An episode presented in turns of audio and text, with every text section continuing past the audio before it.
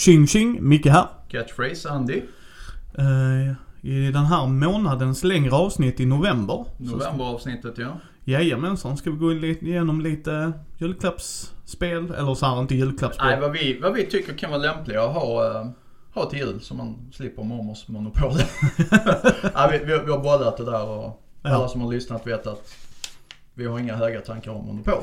Nej. Eh, sen tänkte vi gå igenom mer vad Andy? Eh, ja, eh, vad ska vi gå igenom idag? Vi ska eh, kolla på, uh, jag drar mina papper här.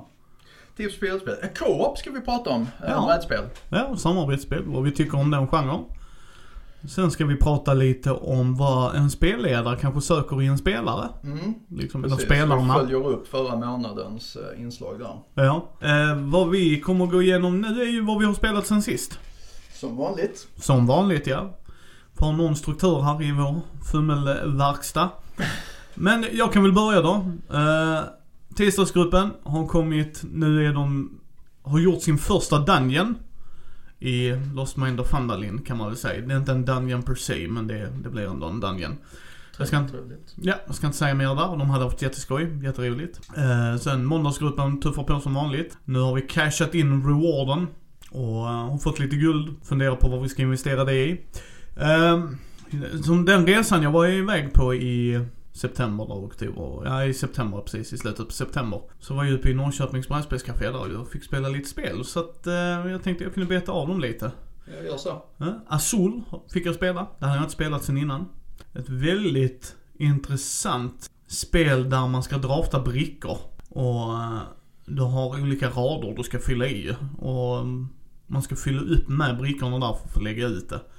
Vilket var väldigt intressant. Och hur man väljer brickorna var också jätteintressant. Antingen så tog du en, eh, du tar en av samma färg. Och så lägger du resten i mitten. Eh, den som tar i mitten kommer också få minuspoäng. Den som tar där först. För sen kan du också göra samma grej där fast ta i mitten istället. Väldigt intressant, väldigt vackert spel. Väldigt fina brickor. Väldigt enkelt att komma in i tyckte jag. Nej, väldigt mysigt. Väldigt, väldigt mysigt spel. Har du något? Uh, ja, uh, pratar vi rollspel så uh, tänker jag Dungeons and Dragons Fifth Ed. Uh, jag körde ett väldigt enkelt uh, fetch and deliver scenario. Börjar i en icke namngiven stad. Jag vill inte köra i de etablerade världarna eftersom jag kör så här extrema one-shots som sagt. Uh, enkvällsgrejer. Men det börjar i alla fall i staden. De eh, får i uppdrag av eh, stadens eh, vaktkapten, högsta hönset där, att förstöra en kriminell organisation och rädda hans dotter. Så här, eh, han kan ju inte göra det. Han är lite, eller hon var det, eh, är ju bunden av lagen och måste följa vissa procedurer. Men eh, om, eh, om det skulle hända olyckor och hus skulle börja brinna upp och sånt här så är det ju inte hans fel.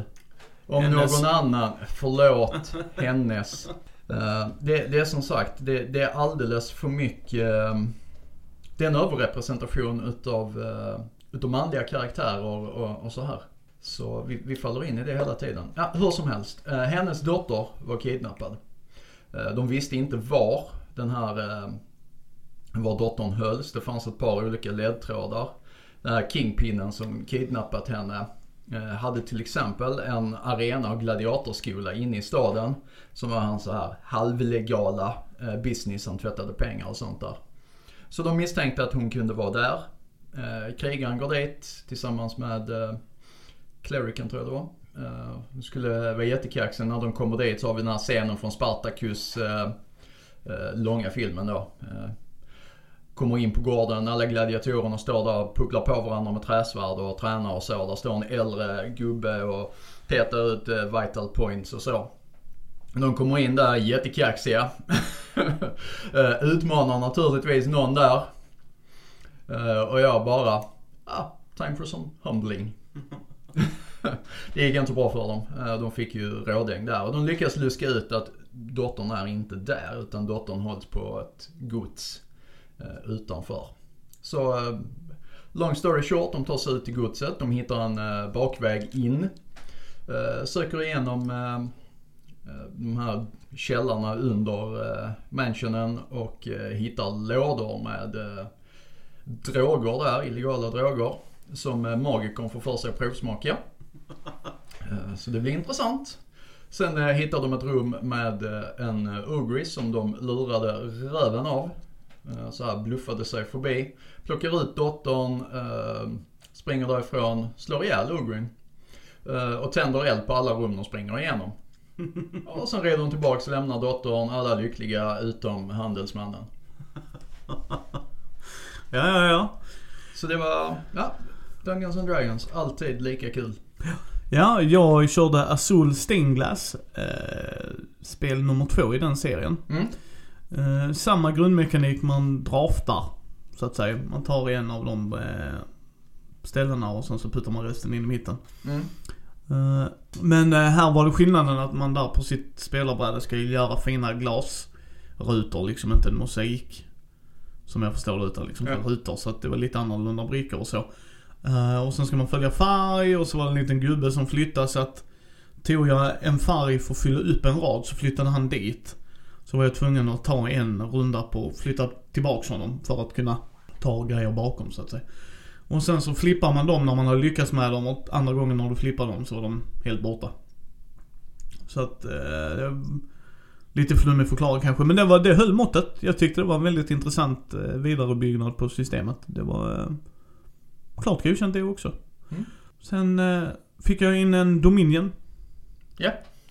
Eh, Med Helen som eh, inte har spelat så jättemycket som jag som var med där och spelade lite med mig också. Men det var jätte... Eh, Dominion är Dominion ju. Men eh, då fick de och Joel tror jag han hette, fick prova deckbuilding. Och det De har gör gjort det ju. innan eller? Nej, de hade inte gjort det innan. Kul. Ja. Ja, ja, det gör det är ju. Det som jag sa till dem. Nu kan ni ju prova andra spel med deckbuilding-mekaniken. Ja men det är som sagt min fetisch är att introducera folk för. Så att, eh, nej det var skoj. Och sen den sista där innan du ska fortsätta Andy. Jag tänkte bara skulle beta av så många Ja, som möjligt när jag har dem i huvudet. Eh, Raptor fick jag prova. Tvåspelarspel det också. Där man, eh, ena spelar Raptorn, mamman som ska skydda sina fem småttingar. Och de andra är forskare som ska försöka ta prover då. Så antingen förlorar Raptorn på att man är, eh, tagit fem skott. Alltså be- bedömningspilar. Eller att de har tagit tre av dina barn. Och du vinner om du skrämmer iväg, flyr med tre, tror jag det var. Eller käkar upp ett x antal forskare. Jag kommer inte exakt ihåg vad det är. Eh, men det är väldigt så här, det är kortdrivet spel. Så att när du spelar ut, du har, vad var det, mellan 3 och 9? 3 det var, eller 2 och 9? Nej förlåt, 1 och 9, sorry. 1 och 9. Så om du spelar ut en etta och jag spelar ut en 9. Det är extrema fall det här. Då får jag åtta actions att göra, men du får göra ditt kort. Så den som spelar det lägre kortet får göra kortets handling. Ja. Och den andra får diffen i eh, action points så att säga. Ja. Väldigt intressant, snabbt spelat spel. Liksom. Eh, plus är player-informationen. Där man lägger grejerna. Där står det vad dina kort gör. Där står också vad du kan göra och vad Ja. det krävs för att du ska vinna. Men det gör det för motståndaren också. Så jag ser vad motståndaren behöver få ihop och Ja, ja. vad de kan ha för Så det är kort. öppet där. Ja, ja men det är väldigt bra alltså. Väldigt informativ. Det är ju från eh, Bruno Cathala och Bruno Feduti. Eh, Så den var bra. Och sen den sista då, King Domino. Den hade jag Ja, inte spelat. Det älskar jag. Jag har inte spelat det sen innan, men det var jätteintressant faktiskt. Att man ska, det är som Domino. Ja, och så Alltså, timebuilding. Ja, så du ska ju matcha. Så tar du en ökenbricka så måste du lägga den vid öken om du kan. Annars skift, ja den fisslar annars, ja den försvinner Ja. ju annars. Och du får poäng beroende på hur många kronor det är i det området. Ja. Jättesimpel mekanik när man väl kom in i det och sådär. Så det var Passar för barn också. Ja, oh, oh ja, oh ja. Nu har jag inte spelat eh, Queen Domino.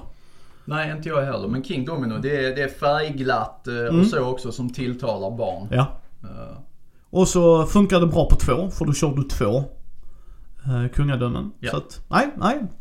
Stort plus och tack så hemskt mycket Jonas. Jag fick mycket på min lista som jag fick beta av ju. Mm.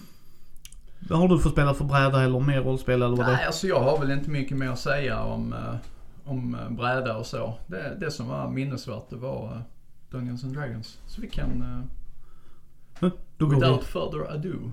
ja, då går vi till tips på spel man kan spela runt jul. Ja, det är inte säkert att vi är överens här Micke. Tips på julspel var det. Jajamensan. Då tänker vi inte julklappsspel utan spel man kan spela för att slippa mormors monopol. Jajamensan, precis. Så om vi eh, börjar med, om man spelar med de lite yngre kidsen, om man har kusiner eller eh, syskonbarn och, eller om ni från den delen har barnbarn. Mm. Så tänkte jag, jag börja i den änden så får Andy ta vad han vill börja sen ju. Ja men fyll det i. Jag har kanske andra idéer än dig om det. Eh, min rekommendation beroende på hur gamla barnen är. Nu snackar jag de yngre kidsen. Eh, har man äldre kids som Andy har med Matrim som är 13 så kan man ofta spela, kan man spela vuxenspel för Ja. det mesta. ja jag tänkte kaniner vanliga brädspel. Men om vi siktar på sjuåringarna och det där liksom, den yngre skalan. Eh, så rekommenderar jag The Magic Labyrinth tror jag den heter va? Den med kulorna med magneten. Mm, ja. Ja, den eh, rekommenderar jag jättemycket. Magilabyrinten på svenska. Ja, Magilabyrinten. Uh, den är eh, även underhållande för oss vuxna. Det handlar om att man, Det är ett memory-spel faktiskt. precis ett minnesspel. Eh, man har en plan som är lite upphöjd. Mm. Eh, Under spelplanen så är det en labyrint. Precis. Med kaninöron osynliga murar. Det är träbrickor som står i Ja. vägen. Men man ser inte dem ovanpå planen. Sen ska man dra en eh, token, för på planen är där ett eh, rutmönster och i varje ruta är det en specifik symbol. Ja. Och när man eh, har samlat ihop fem symboler så vinner man. Så vinner man ju. Ja. Man, man har som sagt en, en spelpjäs som är magnetisk. Ja, och där är en stålkula under och varje gång du Träffar en vägg. så går den av och går tillbaks och då får man börja om från början. Yes. Eh, den gillar jag jättemycket. Jag tycker den är fortfarande smårolig för mig som vuxen. Mm. Eh, det är inget spel jag vill spela 24-7 men med Eldrick så blir den jätterolig för att de har en chans att vinna. Ja, jag körde den med Elric när han var tidig sexårsålder första gången och det funkade och det funkar fortfarande. Han tycker, han tycker det är roligare nu än vad han tyckte då. Ja. Och sen, ni känner era barn bäst också. Alltså så är det ju. Så att det är självklart, your miles may vary. Mm. Eh, men jag tycker den fungerar jättebra. Jag har en till. Så Ja, får du gärna ja, fylla på. Absolut. Eh, jag gillar väldigt, väldigt mycket eh, antingen My First Journey eller My First Carcassonne. Ja, jag var på väg att säga My First Carcassonne jag också. Ja. De gillar jag. Carcassonne, du, My First Carcassonne, du lägger ut brickor precis som i Carcassonne. Ja, Men, när du lägger ut en bricka så lägger du även ut, du lägger ut alla gubbar som visas på brickan och när man är slut på alla sina gubbar så vinner den som blir av med alla Ja. sina gubbar. Istället för att claima territorium och sånt genom att sätta ut en meeple så är det bara vägar man bygger färdigt här. Ja, Eh, Och på varje sån här väg eller stig, inte varje bricka men på de flesta så är där eh, en, eh, en, ett barn eh, rep- representerat då. Och de olika spelarfärgerna. När man bygger färdigt en väg så sätter alla spelare som har barn i den färgen ut sina pjäser. Och den som först tömmer sina åtta meeples Ja, jag tror Eh, det vinner. sånt. Ja. Och sen My First Journey, det är också en nedbantad version. Eh, Det är mindre sträckor, större kort, vilket är jättebra tycker jag. För övrigt, jag tycker det skulle vara större kort i vanliga fall, men det kan vi ta en annan dag. Men, eh, och tågen är större också. Ja. Eh, Och sen får du inte minuspeng för biljetterna, utan Nej. det är bara ut med alla tåg som gäller va? Det är väl Ja, inget specifikt precis. annars. Eh, Om man har lite äldre kids, så rekommenderar jag My First Carcassonne, eh, nej inte Carcassonne, först. Catan. My Ja. First Catan, Settlers of Catan. Eh, men då snackar jag kanske 10-åringar. Mm. Eh, den funkar också riktigt bra. Skillnaden de har gjort där är att du, du byter med spelet, man byter inte mellan varann. Vilket jag tycker är bra början med kidsen. Blir mindre konflikter. Mm, precis. Ja, varför vill du inte ge honom? Var- Varför ger du den? Och... För att, för, för att morbror Marcus är ett a-hole, därför får inte han grejer av Precis, mig. att jag heter Micke. Nej, lillebror hade gjort precis likadant med mig. Ja. Ni sitter på all sten och tegel. Japp. Ni byter inte med någon. Nej. Ni vinner inte. Sure. Eh, Men skämt åsido, nej men så har de gjort det och sen är det ett pirattema. Så det går ju mer hem hos kidsen än ja. Hej, du är en familj och så ska du bygga stä... Aha, du, jag förlorar dig vid det ja. Eh, men du, du spelar ju mycket, mycket mer med kids än vad jag gör. Men Ja. jag tycker de funkar. Ja, alltså jag, jag bara hoppa tillbaka och säga åldern på My First Carcassonne. Eh, Jag skulle säga att från fem år, så tidigt kan man få dem att förstå. Utan problem. Ja, och Eh, återigen disclaimer. ja. Ni känner gärna barn bäst. Alltså Ja. så är det ju. Men jag Eh. håller med Andy. Alltså för, för själva grundmekaniken är enkel. Ja. Placera Jag och min fru eh, hade skitkul med den när vi spelade. Ja. För att, ja men det, det är fortfarande Carcassonne liksom. Ja. Oh ja. Sen, sen en bubblare, förlåt mig, kommer jag på nu också faktiskt. Vill man ha lite så här, Dexterity games kallas det på engelska. Ja. Vi säger fingerfärdigspel. Ja. Djur på djur är fantastiskt. ja. Du, Det är en du, omvänd plockepinn kan vi säga. ja, du ska, du ska slå en tärning beroende på vad tärningen säger. Så ska man antingen tvinga en eller själv placera ut en av sina djur. Mm. Du ska bygga en pyramid. Ja, alltså det, det är lite, alltså en omvänd gänga. Man staplar djuren på varandra. Ja.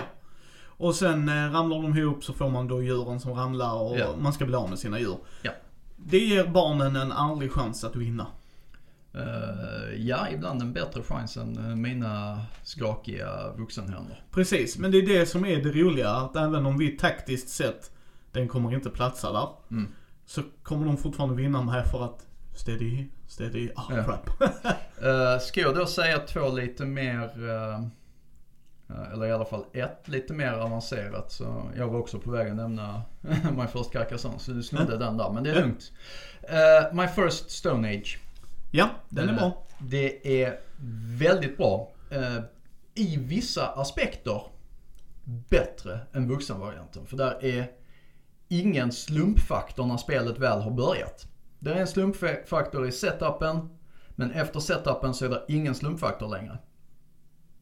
Nej, precis. Alltså i, i, i vad heter det, eh, Sto- Stone Age. Ja, Så ska du slå tärningar. ja du slår tärningar för att få in resurser. Ja, och placerar ut arbetarna av det. Här vänder du upp brickor som säger vad du får lov att göra. Och Mm. brickorna slumpas ut, absolut. Ja, men, Men sen, sen är det ligger de i samma ordning. Yes, och sen är det ett minnesspel. Eh, För där är en bricka som säger när denna vänds upp så vänds alla andra ner efter du gjort handlingen. Och det är samma sak där. Barn i... Uh, ja, det, är, det är lite taktikval och sånt också som det inte är säkert att ungarna alltid klarar. Men, men en sjuåring, det, dels så de har välutvecklat så här eh, platsminne. Du ska, förlåt, innan vi, vi glömmer bort det. Förlåt Andy. Ja, man ska bygga hus här också. Ja, man ska bygga, bygga- hyddor. Men bygga man har en liten sån spelarupphöjd grej där man lägger resurserna under för att Ja. folk inte ska se vad man har. När man har fyllt alla de tre hålen, Ja. då har man vunnit. Förlåt mig, bara Ja. så att vi inte glömde det. det Nej, nej, precis. Du vinner. Den som först bygger tre, tre hytter vinner. Uh, ja, men det, det tycker jag är, är väldigt bra. Även, även som vuxen. Eh, och där vill jag säga att det kanske bara är jag. Men eh, det känns som alla unga jag spelar eh, det här med har bättre minne de här grejerna än vad jag har. Bättre korttidsminne. Nej men det är ju det som gör Memory, jag tycker Memory är ett bra spel fortfarande av den anledningen. För det lär ju barnen att minnas. Och Ja. sen sitter man som vuxen. Jag är Shit. rätt säker på att det är någonstans i den hörnan. Ja. Ja, det är 20 brickor i den hörnan. Ja, men någon av dem. Ja. Ja, jag, jag tror att vi vuxna kanske overthinking it. När det kommer upp en bricka så behöver vi hitta strategier för att komma ihåg var den ligger eller någonting. För det, det vet jag att jag gör.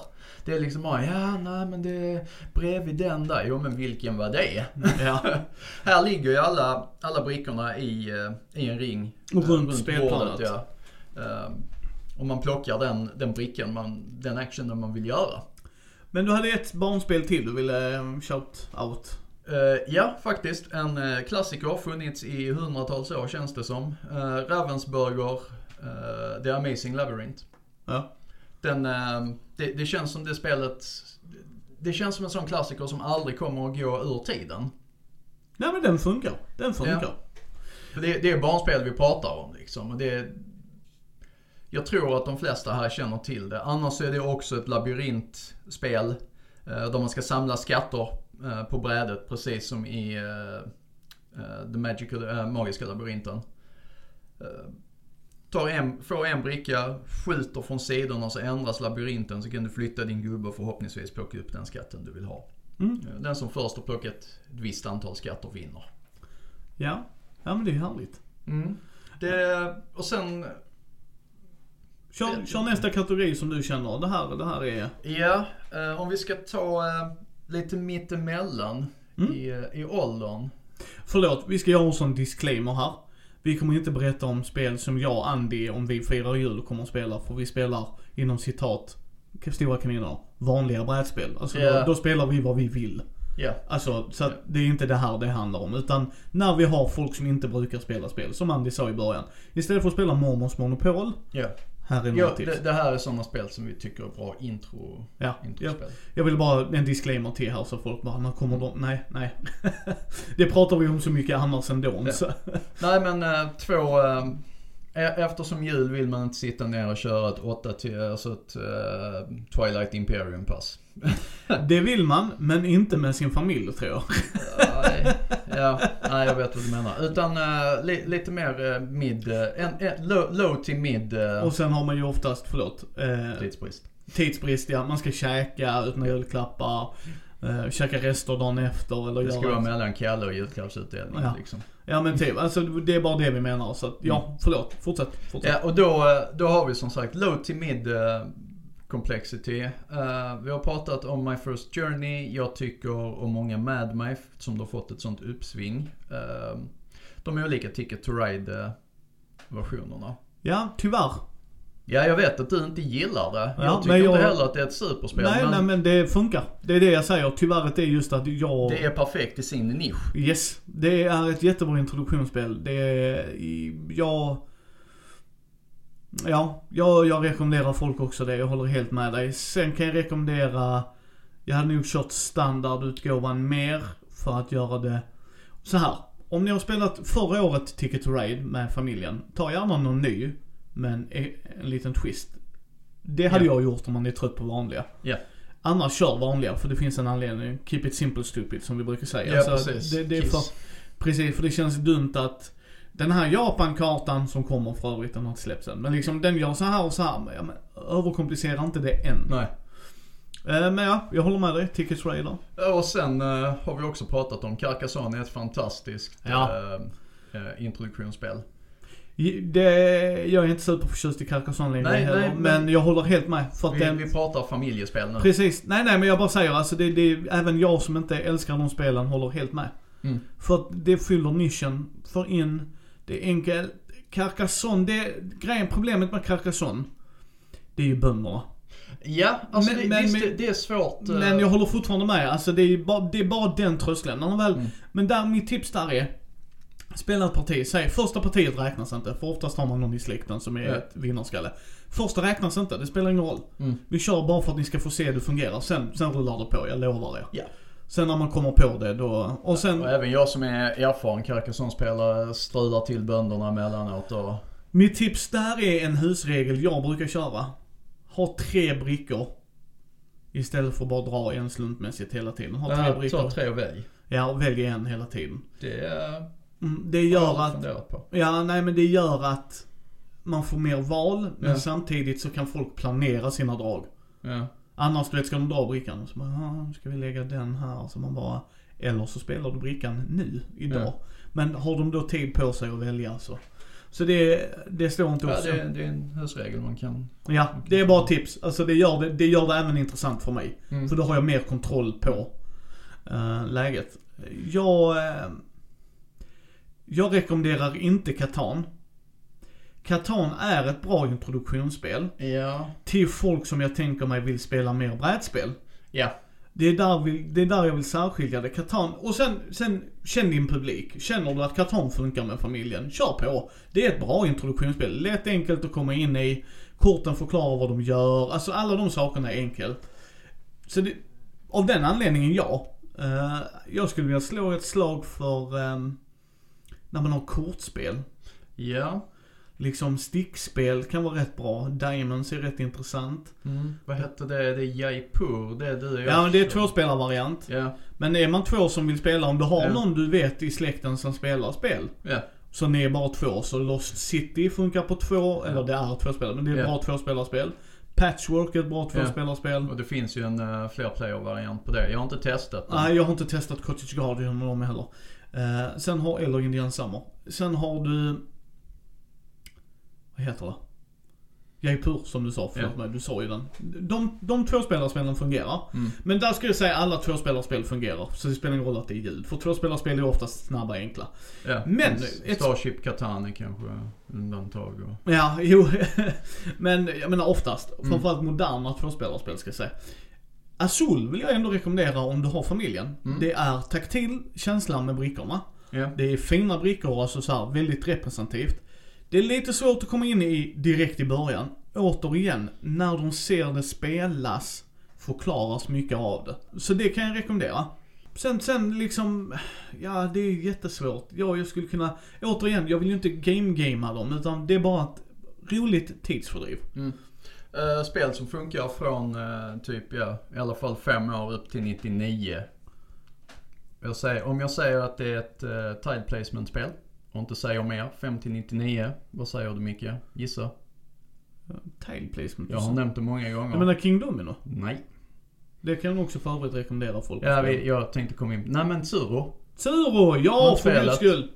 Ja, grundspel, inte det andra Zero of the Sea. Nej, nej, den, nej, den tyckte jag bara... Nej det... Och helt plötsligt kan du komma in igen, huh?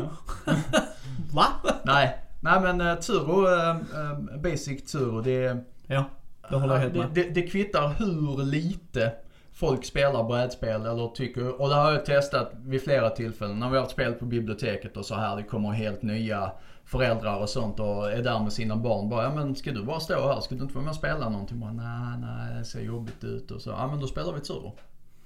Ja, men Tsuro håller jag med. Eh, sen skulle jag vilja slå ett slag för partyspel. Ja, jag tänkte vi kommer garanterat in på partyspel. Codenames. Ja, Codenames är bra. Behöver inte vara vuxenversionen. Nej men det tycker jag inte. När ni har familjen så skulle jag, antingen så väljer ni ett tema. Ja. Och du har Harry Potter Codenames, lär väl dyka upp snart. Hörde jag Djungeltrummorna. Eh, Disney finns, Marvel finns, eller vanliga. Bill Ja. Pictures finns också, vilken version man vill ha. Ja. Eh, Det, det är ju där också, känn din publik. Yes, precis.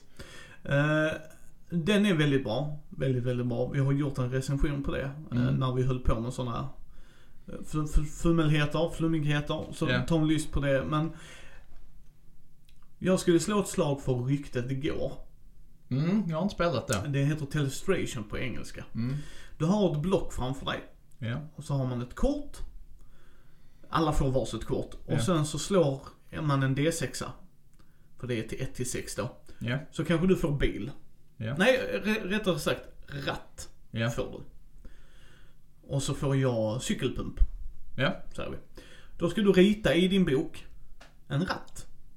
Okej. Så då kanske du- du... Du tappar mig redan där. Nej. Jag klarar inte Pictionary och liknande. Nej, nej men det gör inget, gör inget för här är grejen. Så ritar du en bil kanske och så Ja. gör du en pil på ratten. Ja. Och så ritar jag en cykel och så gör jag en pump bredvid.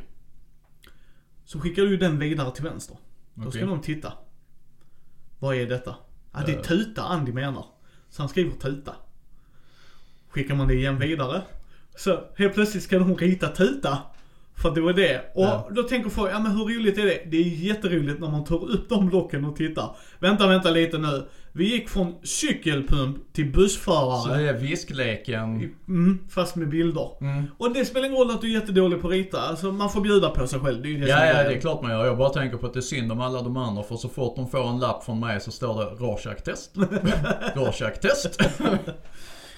Eh, men nej men det är faktiskt... Man, Garnlystan. Uh, man, där är en vuxenversion av det också. Uh, där är en partyversion som går ut till 12 spelare. Okej. Eh, Oj, så- det blev många. Jo, jo men det, är- det, det är ju jätteenkelt. Alla gör det simultant ju. Alltså, du skriver ner vad du ser. Vad du tänker dig det för ord. Alltså det, det är tid, så det går inte oändligt med tid. Eh, och sen vet jag inte om det funkar bäst på 12. Men jag har spelat det och det är roligt och det levererar. Det är en intressant, eh, väldigt intressant spel. Och eh, ryktet går hittar du i, i vanliga butiken också vill jag påstå. Alltså var akademiska och sådana. För det är, det är lite såhär mainstream. Ehm, jag tänker flika in Times Up. Ja, Ja, nej men det, det är ett bra familjespel. Där kan man ju också sortera brickorna så att man inte får de här eh, jätteobskyra som bara eh, mormor kommer ihåg. Nej, och, och inte bara det. Du kan göra det som eh, Tom Vassel och de från Dice Tower rekommenderar. Du kan köra i lag det också. Skicka ut någon som Ja. är bekväm med att prata. Eh, Så då håller jag helt med. Välja ut lite och sen ha någon som är duktig på att ge ledtrådar och köra lag som precis som i Codenames. Ja. ja, inom familjen så brukar det vara... Jo men jag menar beroende, är man många Ja. så går det att göra. Ja, ja, ja. Alltså man kan göra en engagerande. Ja. Är man fyra pers, vi har ju spelat det ofta på fyra Ja, så att, vi har ju det. Det- är ett bra spel. I Ja. like it. ja, ja, den är jag väldigt nöjd över. Eh, det är ju lite våra tankar runt spel så här runt juletid när man har eh, iväg med familjen och det. Och, Är man sjuk så funkar ju Cards Against Humanity och vuxenversionerna Ja, på Codenames ja. och sånt. Nu, nu, nu utgår jag från min very twisted mind. Känn din publik som vanligt. Ja. Nej men det är ju det det är. Alltså ska jag säga en sån som är lite mer vuxentema. Joking Hazard är fantastiskt roligt. Mm. Jag, jag skrattar så jag gråter. Alltså men jag har mörk humor. Ja. Men det tar jag inte med när eh, farmor spelar liksom. Nej men det, det är lugnt. Ja, nej jag, jag förstår vad du menar. Så känn din publik. Mm. Alltså är ni alla vuxna och tycker mörk humor är jättetrevligt. Jag, Code, eh, Codenames. Och Vuxenversioner. liksom var After Dark och eh, Telestration After Dark och sen har du Cards Against Humanity, Joking Hazard, alla dem. Så att det, det är lite vad man känner för att spela. Och sen har vi, Sen eh, finns det, förlåt, Roll and Write-spel är Ja. väldigt populära som That's Pretty Clever är ett bra Mm. spel. Eh, det kan jag rekommendera. Det är lite så här svårt att komma in i kanske. Rolling for America är också småtrevligt. ska vi gå in på någon sån här mainstream som alla har talat De flesta, de flesta frågespel faktiskt. Besserwisser, uh, TP. eh, Där skulle jag säga, det är sådana som brukar åka fram runt jul, är min ja, erfarenhet. och jag gillar inte de spelen alls. För att, Micke är inte allmänbildad. jo, Micke är för Jag allmänbildad. bara bråkar. Nej, alltså vi har spelat det. Pappa toklusa. Enda gången han vann, eller var i Sportfråga, närheten. sportfråga, sportfråga. Sportfråga, sportfråga, sport, det är de jag faller på. Ja. Men där, även där kommer det vara, hur Ja. många är det på en fotbollsplan? Ja, 22. yes, 22. Nej. Jo. 23. Ja, domaren räknas inte. Vadå räknas Nej, inte? Eh, Men det är det jag menar. Jag gillar inte dem. Däremot så gillar jag... Åh. Timeline, där hade vi det. Mm. För då, då tar man ett kort. Man har två kort framför sig. Mm. Man ska bli av med sina kort. Mm. Och du ska placera in dem mellan... Man, vi drar upp ett kort så säger Ja. vi att vi kör historia. Ja. Så när eh, Rom... När, när Vatikanen blev till eller något sånt. Ja. Så är det det årtalet som är i mitten.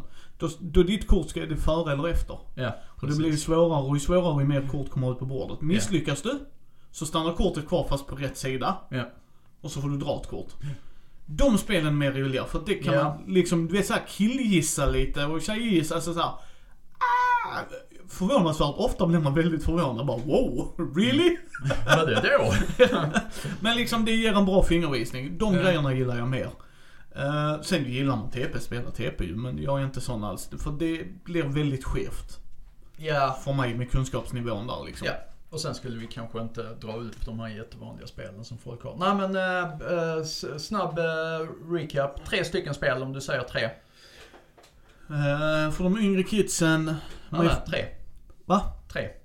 Ja, och det är därför jag tänker ta en från varje. Mm. Yngre kidsen, My First Carcassonne. Mellersta Ticket to Ride. Och sen har vi den sista, skulle jag ändå luta mer på Codenames. Ja men, du är skittråkig Micke.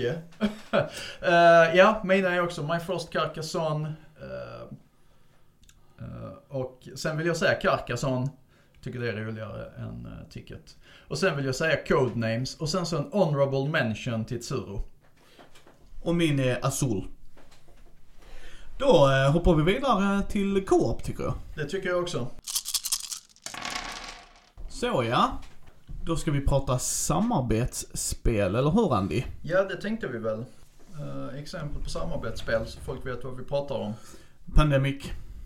Granddaddy of them all. Mm. Vill väl ändå påstå. Det har nog funnits samarbetsspel innan dess också, men det är ju den som är mest Ja, det är den man tänker på när man pratar.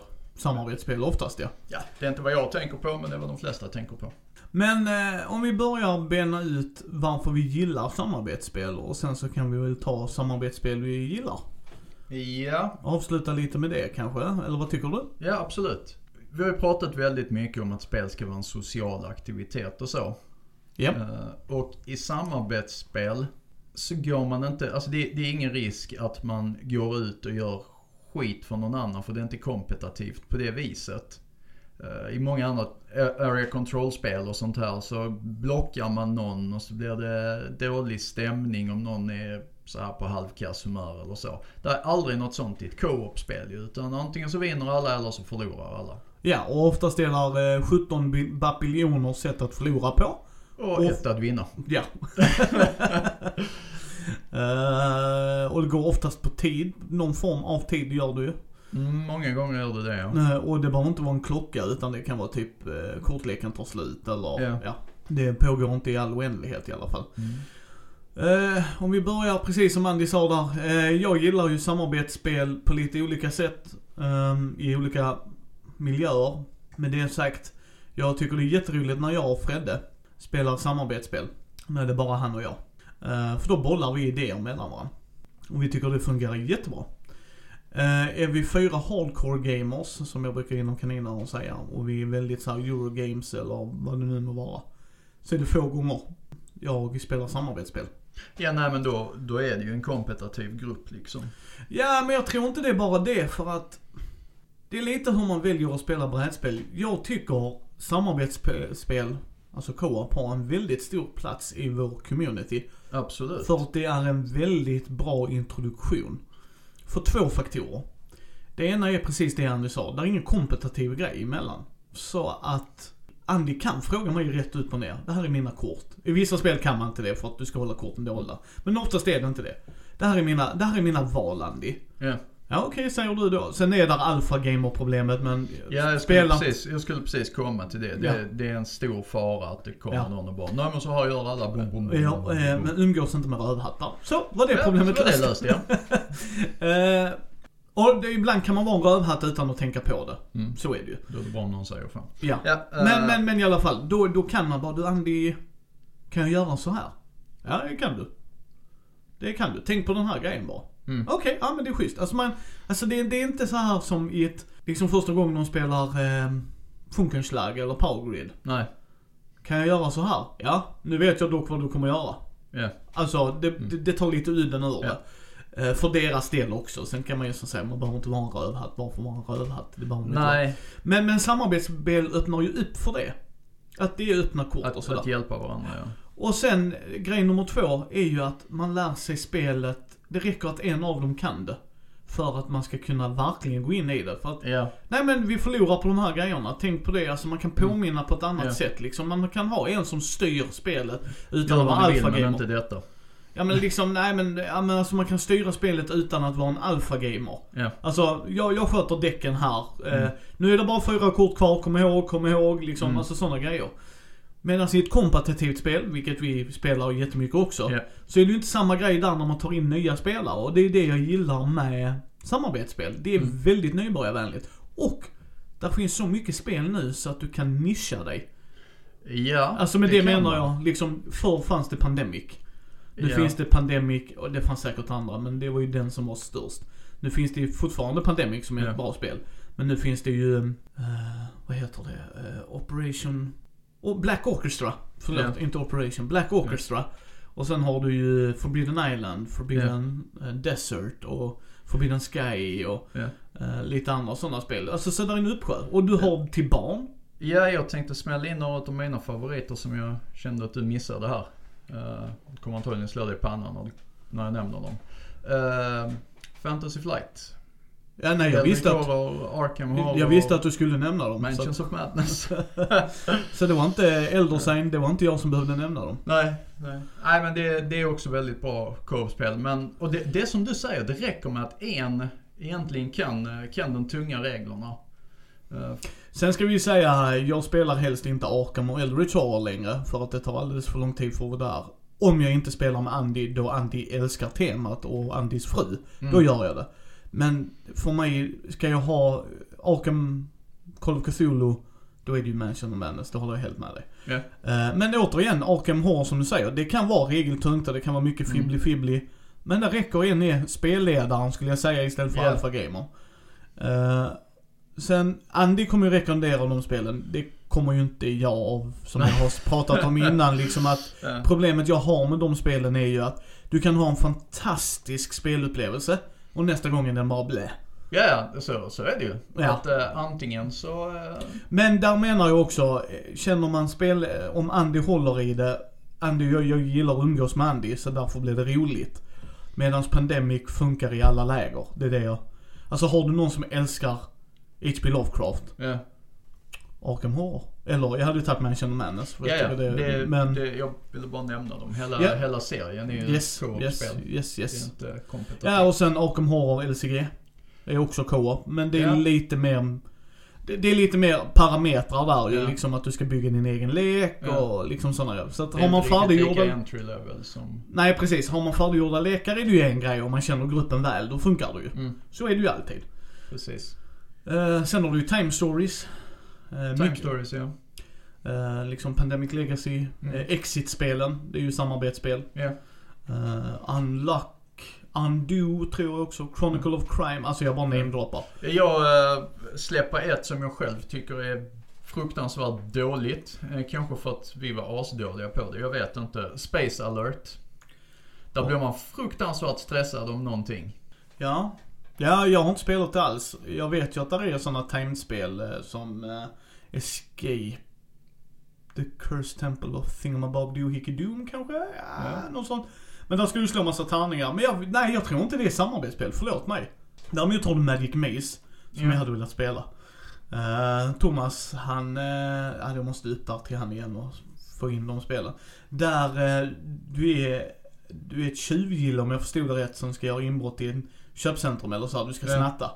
Men eh, vissa spelare styr vissa gubbar och de måste ibland flytta sig för att, eller sådär. Mm. Och då skickar man en gubbe mellan varandra som visar att du måste göra ditt drag nu. Mm. För du får inte säga något.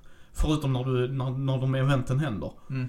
Och det är också så här, ah, det låter jätteintressant och roligt. För att du bara, Andy, flytta gubben nu. Ja. Jag kan inte understryka det här med, nej men det är viktigt att du gör en annan grej.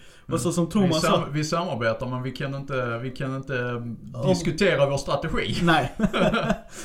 Ja, det blir kaotiskt kanske. men okej, Låter kul. nu har vi sagt en massa spel här och det är bara... Jag eh, tänkte slänga in eh, ett par till. En del Dungeon Crawl är ju faktiskt eh, co-op-spel. Om man spelar med plattan, ja. Eh, där är ju My First, eh, vad heter det? Ja, när jag säger Dungeon Crawl så tänker jag spel som Hero Quest. Ja. Warhammer Men det Quest. finns eh, Descent.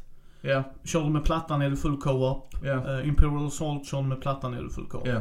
Men om vi bryter ner då, då Andy. Jag tänkte att vi, vi går igenom vilka spel vi gillar och varför vi gillar dem. För de är fortfarande olika, även om man samarbetar. Jag tycker faktiskt att vi ska nämna de falska co-op-spelen också. Eh, nej men jag tycker, jag tycker vi ska avsluta med det.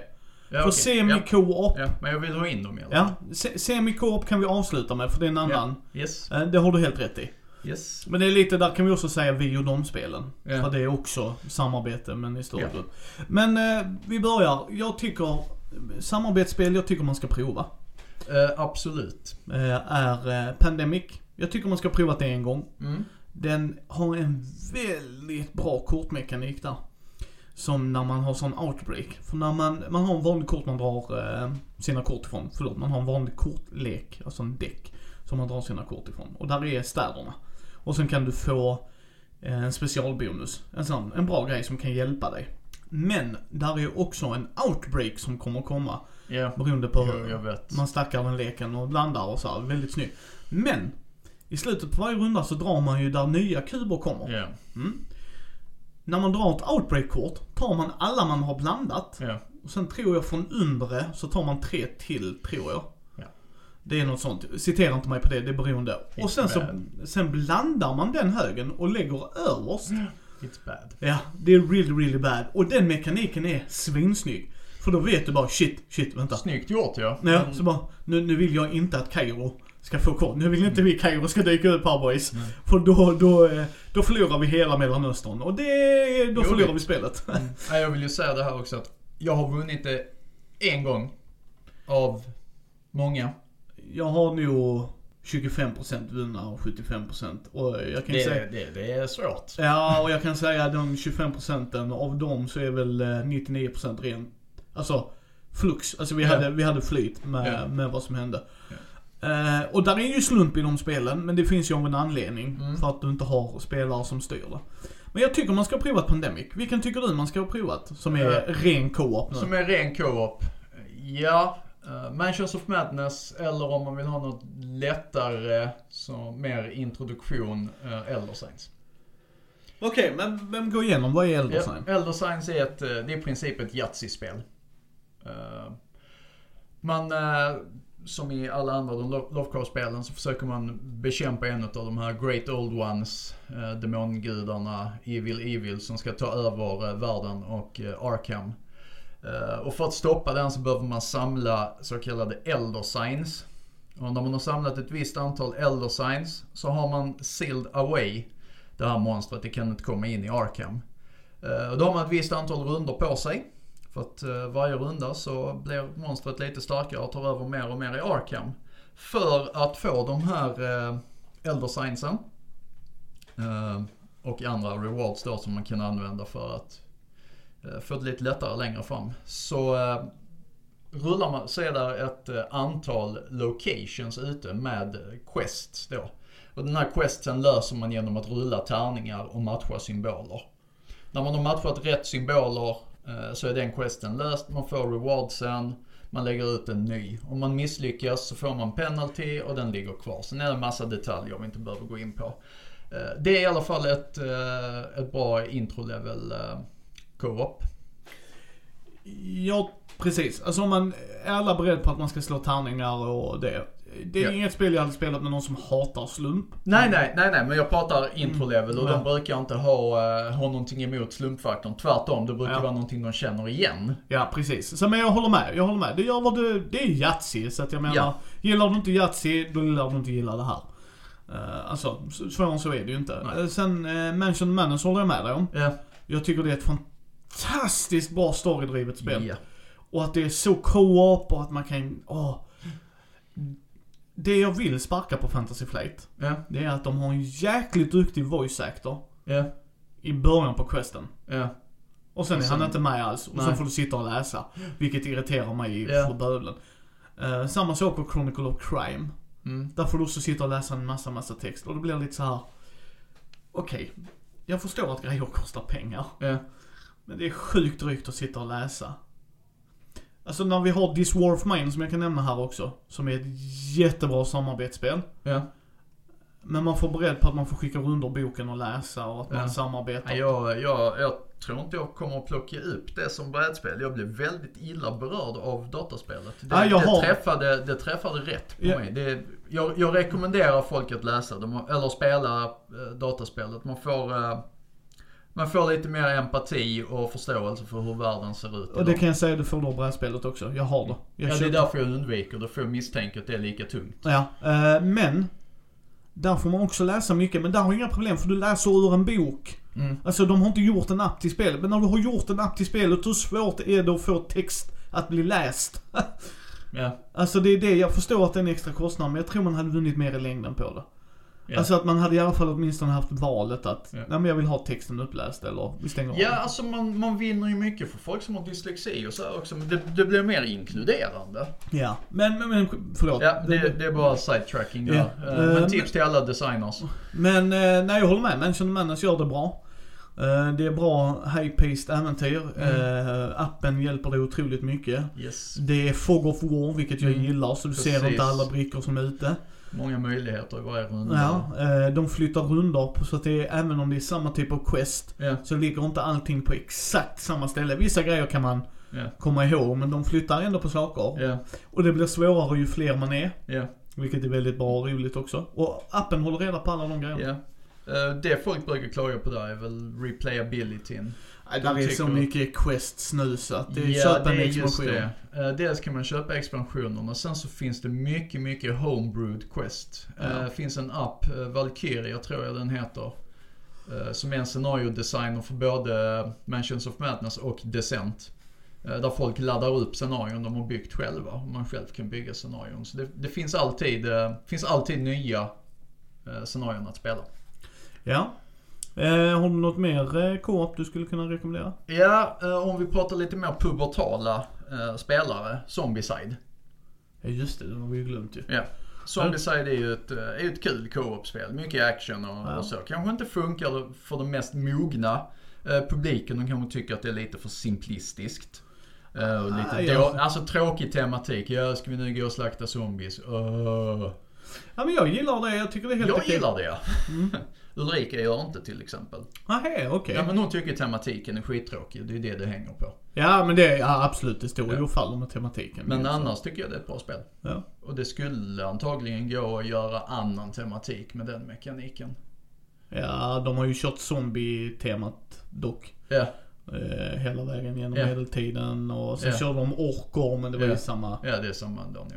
Uh, ja, jag skulle slå en dänga för Black Orchestra. Du ska försöka lönnmörda Hitler. Mm, jag har inte spelat det, jag har hört mycket om det men... eh, Ja, det är, där är lite slump och det är rätt brutalt svårt att lönnmörda honom. Men så var det ju i historien också. Ja, det gick ju inte så bra. Nej, eh, många försök dock. Eh, nej men så att det, den funkar rätt bra om man åker runt i Europa, samlar på och man ska kolla vilket sätt man ska göra det och var man ska göra det och sen flyttar de rundor så händer lite grejer och så. Mm. Eh, rätt intressant. Omvänt Cluedo. Ja, eh, om vi börjar avrunda den här delen med Ja. semi-co-op och vad menar Ja. vi med det Andy? Med semi-co-ops menar jag spel där man kanske tror att det är co-op, men eh, någon är förrädare.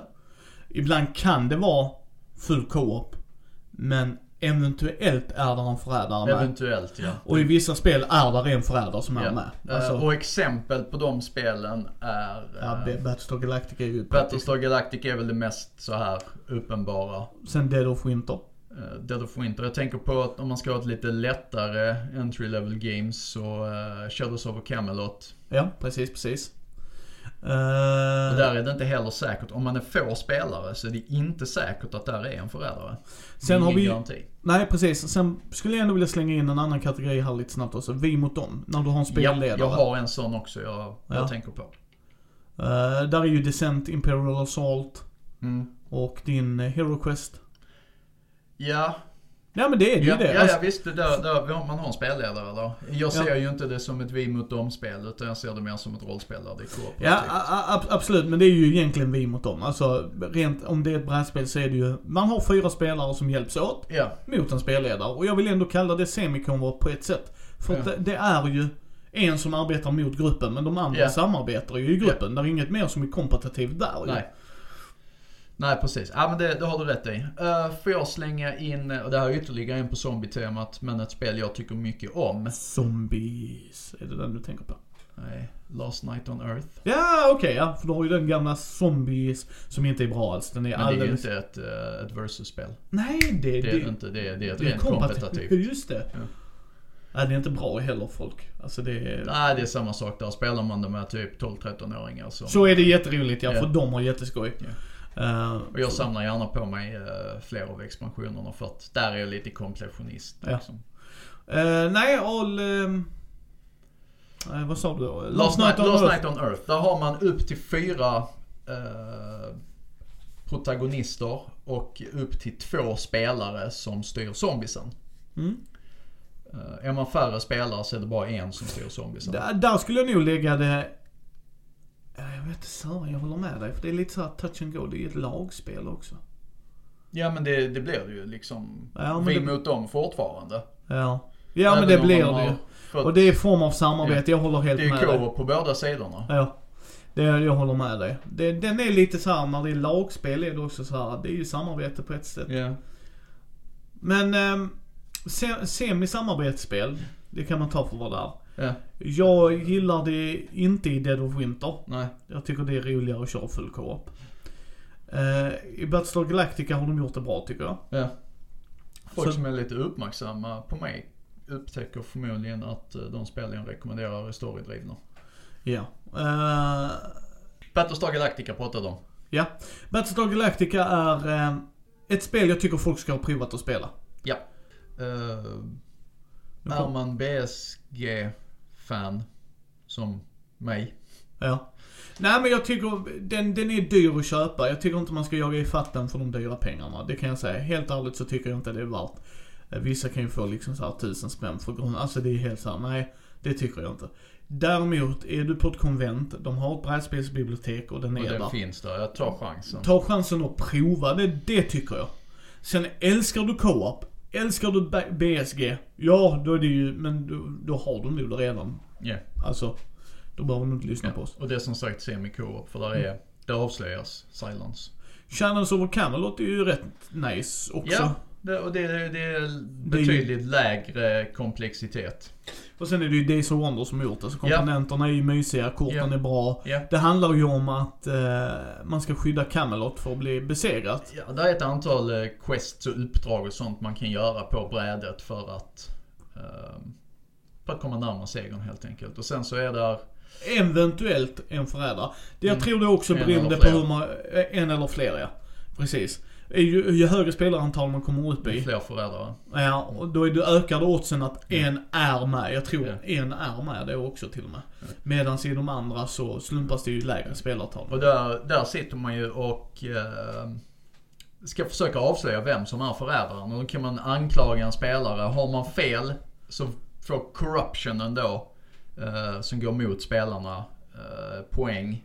Och har man rätt så är det ju jättebra. Då har man ju en förrädare mindre att oroa sig för. Då måste han spela öppet. Ja, så det, ja precis. Så vilket föredrar du? Semi eller full?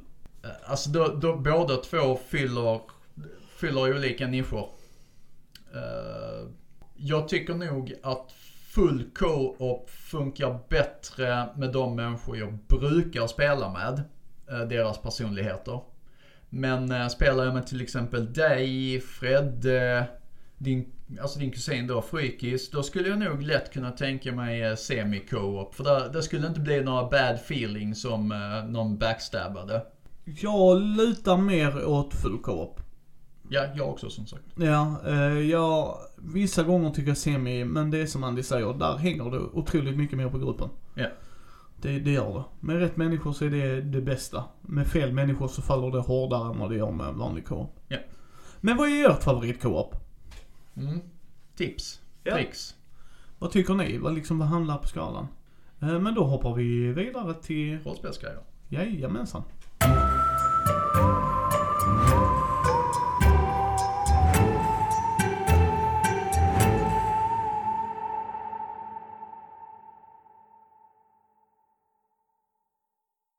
Okej då gott folk. Eh, förra månaden fick ni höra oss prata om vad vi letar efter i en spelledare eller vad vi uppskattar. Mm. Eh, Så den här månaden får vi ta vad vi letar efter i en spelare. Eh, eh, disclaimer, alla spelare är olika. Eh, så är det ju. Vi pratar inte om eh, individnivå utan mer allmänna drag. Liksom. Ja, precis. Sen så kan man uttrycka det på olika sätt och dylikt. Generellt så är det de här egenskaperna vi gärna, Precis, precis. spelar. Alltså det är, det är folk vi föredrar att spela med, har, har de här egenskaperna. Ska jag börja eller vill du börja? Kör hårt. Jag eh, gillar spelare som är engagerade. Det är den första punkten jag vill ta upp. Jag, ska vara jag, delaktiga så att säga, aktivt delaktiga. ja, där är vissa som låter andra ta mer plats. Ja, nej men jag, jag menar de ska utveckla spelet. Ja Det är det precis. du menar ja. Ja, ja inte bara det. De ska dyka upp på Ja, spelmötet. ja, ja, de ska vara glada. Men absolut, det, det, det följer hela igenom. Jag håller med dig. De ska vara delaktiga i storyn. Sen vilken grad de väljer att vara delaktiga. Där är vissa som tar mindre plats för att de själva vill det. Och där är fler som tar mer plats för att de själva vill det. Så att det är inte, där lägger ingen vikt på, men bara Nej. att man dyker upp och är engagerad. Vissa gillar ju att bara vara med. Att tycka att det är kul och kommer Ja. ibland med fantastiska idéer. Ja, men även om man dyker upp och bara sitter där som ett spån. Det, Mm. det tycker jag det funkar inte. Då är du inte delaktig. Du Nej. är bara en stolvarmare. Precis, precis. En Nej men så, att, så engagemang Ja. är min första punkt. Ja. Det tycker jag är väldigt viktigt när man går in. Och det kan jag tycka varje gång man gör en social aktivitet självklart. Men just när jag har lagt ner timmar på att förbereda. Show some appreciation. boy. Ja, och vi, visst. En dålig dag kan alla ha. Det är inte svårare än så. Men nu menar jag över, över overall, liksom eh, överhängande vad, vad jag menar med engagemang. Ja. Vad är din första punkt? Eh, jag vill säga att många av de punkterna jag letar efter i en spelledare är var- precis detsamma som jag letar efter i en, eh, i en spelare. Eh, och då tänker jag på, du sa engagemang, det är en självklarhet. Jag tänker på eh, eh, Eh, ärlighet och öppenhet. Eh, är, det någonting som, som inte funkar, var ärlig med det. Sitt inte och, och håll inne irritationer och så här. Utan var, var aldrig rädd för att kommunicera. Säg ifrån när någonting är fel. Säg ifrån när någonting är bra. Eh, ge mig som spelledare feedback på allting. Ju mer feedback jag får, ju mer kan jag utvecklas. Ju mer jag utvecklas, ju bättre kan jag göra det för er som spelare. Och sen så har vi en positiv spiral där. Det håller jag med helt om. Alltså få igång snacket. Uh, spelledaren, som vi sa sist, ska ju hålla i trådarna. Men vad, engagemang där igen, var delaktiga i samtalet. Ja, precis. Uh, jag menar om jag, om jag bara sitter och kör, vi pratade om detta här när vi pratade spelledarbiten. Om jag bara sitter och kör exakt samma uh, stuk som jag har gjort i mina 30 år inom hobbyn. Alltså, det är så här att man fastnar i vissa spår. Det, det är oundvikligt. Det, det, är en mänsklig egenskap. Eh, men man behöver ju inte så här bli helt låst och inte kunna ta till sig någonting. Och då är det viktigt att man får input utifrån. Om jag har suttit med samma grupp, eh, 13 spelmöten och jag spelleder på samma sätt. Alltså det är exakt samma Eh, stil. Det är inte så att det är samma, samma scenario i, i 13 olika tappningar. Men fortfarande, jag, jag tror ni förstår vad jag menar. Jag är lite svårt att uttrycka det men någonstans så kan jag nog tankemässigt förmedla vad jag menar. Eh, jag om jag behöver fresh eyes, ny, nya eh, input för att inte stagnera i, i min spelledarstil. Och det kan jag bara få från, ja, jag kan få det från att diskutera med andra spelledare och det gör jag. Jag är aktiv i grupp och läser eh, och så här. Men de som verkligen kan ge mig feedback, det är folket runt bordet när jag spelar. Och därför vill jag ha de här 20 minuterna jag pratade om i eh, oktober förra månaden. Eh, till, till ge mig feedback. Ge mig feedback. Ja. Jag eh, håller helt med där. Alltså med feedbacken och det är jättebra. Kommunikation är ju mantrat överlag. Mm. Det är mm. det vi pratar om mest här tycker Säger vi inte det minst tre gånger i varje avsnitt så har vi blivit sjuka eller kidnappade av aliens. Eh, ring NASA. Eh, sen så tycker jag hur ska jag säga det här utan att vara ett a-hole? Fatta att saker som din spelledare gör har kunnat ta tid. Det här Respekt. kan vara helt olikt vilken spelledare du har. Men vet du om att din spelledare lägger ner mycket tid på förberedelser, don't be an a-hole. Mm. Det är okej okay att du inte tycker det är kul det han har för, hon, hen, hen har förberett. Det är helt okej. Okay. Alltså, du ska ju ha kul. Det är ju därför man är där. Ja. Men Andy och jag kan berätta hur många gånger som helst med nonchalanta spelare där eh, jag har varit nära att örfila dem av vilken respektlöshet de har.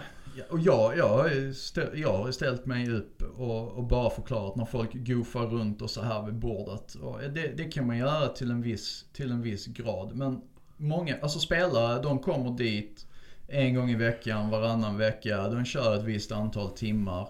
Som spelledare, även om man inte lägger ner extremt mycket tid på förberedelser, vilket jag vet att många inte gör. Så lägger man ändå mer, ner betydligt mycket mer tid än vad spelarna gör. Eh, och den tiden är, är värdefull. Om inte spelarna uppskattar den tiden, nej men då kan jag göra någonting helt och hållet för min egen skull istället. Varför, var, varför ska jag anstränga mig för att du ska ha roligt om du bara pissar på det? Ja, ja, nej, nej, nej, nej, nej, nej, nej, nej, jag håller helt med. Alltså det är det jag menar. Så, så ha respekten för det. Sen återigen, där är spelledare som bara för, förbereda en halvtimme, sen kör de. Ja. Ja, ja. All heder till dem. Men, men de har ju fortfarande tidigare läst regler och ja. sådana här grejer. Yes, där är fortfarande någon mer form av förberedelse. Ja. En eh, annan grej jag skulle slänga in här om det är okej. Okay. Kör hårt. Är, um, jag förstår att grejer kostar pengar. Och jag förstår att alla inte har råd. Men då ska man inte ställa skyhöga krav heller på spelledaren. Uh, nej, nej absolut inte. Om du inte... Uh, alltså du, du kan inte kräva att någon investerar pengar i din hobby. Nej, och jag, jag säger inte att alla gör det. Men ibland kan det vara lite svårt att glömma bort vad grejer faktiskt kostar. Nu, nu har våra spelgrupper den, eller i alla fall min spelgrupp, eller mina spelgrupper, en otrolig tur att jag tjänar de pengarna jag gör nu mm. och jag älskar den här hobbyn. Men de är inte otacksamma. Inte en enda av dem är otacksamma. Nej. Varje gång jag har kommit med grejer som förbättrar det för deras del, jag har saker mer inlevelserika, jag har plastfigurer, jag har kartor Ja. och allt det där. Så har de alltid varit tacksamma. Ja. De har alltid varit tacksamma. Så de har inte räknat med det, utan De tar inte på... saker för givet. Precis. Det är inte tacksamhet som sån, oh snälla Micke vad duktig du är. Nej. Utan det, det handlar om att de tar inte saker för givet. Och det, det har vi också stött på Sen- människor som gör. Ja, och sen så säger de tack ibland. Oj vad Ja. roligt, oj vad den grejen var jättebra, tack Åh så vad mycket. häftigt att du gjorde så här Micke. Ja. Det, det räcker liksom. Eh, och, och det där visar ödmjukheten. Och nu gäller det också en spelledare, ska vi säga. Det sa vi inte i det avsnittet, men det kan jag säga nu Stå inte också. och kräv att spelarna ska investera pengar. De Nej. kanske inte har möjlighet Och då, just då kan jag... eller- Nej precis, och då kan jag dela med mig av Players Handbook. Ja. Ja, läs den. Ja, Så. precis. Och ibland får man dem som pdf skickar runt det i gruppen, delar med er av det liksom. Nu ska vi spela det här, Ja. bra om ni kan läsa på innan. Precis. Det är liksom, kan man köpa sin egen Players Handbook, då tycker jag att man ska det. Superbra, gör det. Ja, det tycker jag. För det din är inte, egen skull, inte för min. Nej, och sen är det vissa gånger går det inte att göra vissa spel för då är allting i en bok. Ja, Och då kan det kosta så här 800 spänn. Så bara, Ja. nej den behöver du inte. nej. För det är grejer du inte ens ska kunna få läsa. Ja, precis. Så, så återigen, det är system och sådana grejer här. Eh, det, det, ja det är min punkt. Tar du en här tycker jag. Eh, ja, vi har, alltså det här, vi har redan varit inne på det här med kommunikation. Eh, och vi har varit inne på det här med eh, engagemang. Eh, en annan sak jag vill ha, eller som jag kräver. Det, det är ingenting jag önskar, det är någonting jag kräver. Absolut stenhårt. Det är att ni respekterar de andra spelarna också. Boom. Det, det är liksom, det, det är ingen snack om saken. Kan, kan du inte respektera gruppen, och då menar jag deras personliga integritet. Eh, du går inte över de gränser vi har sagt. Har vi, en, har vi en person som har varit utsatt för övergrepp eller så här och vi inte vet om det. Men då går vi inte dit i spelet. Vi gör inte det. Vi får inte folk att må dåligt. Om du gör det i min grupp så åker du ut snabbare än du kommer in. Liksom. Jag ska säga så här. vet man inte om det och det händer, Ja. då, då löser man det på ett vuxet sätt Exakt. och sen åter, återbesöker man inte ämnet. Nej. Det är liksom, det är bara så, jag håller med. Nej. Vill inte folk ha alkohol vid spelbordet, ha inte alkohol vid spelbordet. Nej. Vi har pratat om det, en bubblare kommer komma Ja. lite senare med det, men vi, Ja, jag vill ha tagit upp det tidigare. Det, det är liksom, Men det, det är respekten för medspelarna. Och, jag vill slänga till, och jag tror Andy håller med här. Om de säger, jag vill inte ha intriger i gruppen. Mm. Nej men det, det, jag, jag skulle komma till det Ja. också. Att det, det är även alltså in game. Yes. Så här. Och, och det är sånt man, eh, man bestämmer i session 0 som vi har pratat om. Har ju förra Vill, månaden ja, också, precis. precis. Vill, vill man ha eh, gruppintriger, ja men då vet alla om det. Vill man inte ha gruppintriger, nej då ska man fasingen inte skapa dem heller. Nej, precis. Och då, då får man ju ta ställning som grupp, det den här gruppen jag vill vara med och spela i? Exakt. Det, det är ju till var och en. Jag vill ju ha små intriger. Men jag vill inte ha fullblodna intriger för Nej, det, det är ju min jobb som spelledare. Men där är ju andra som vill ha tvärtom ju och det, det är fine. Det är fine.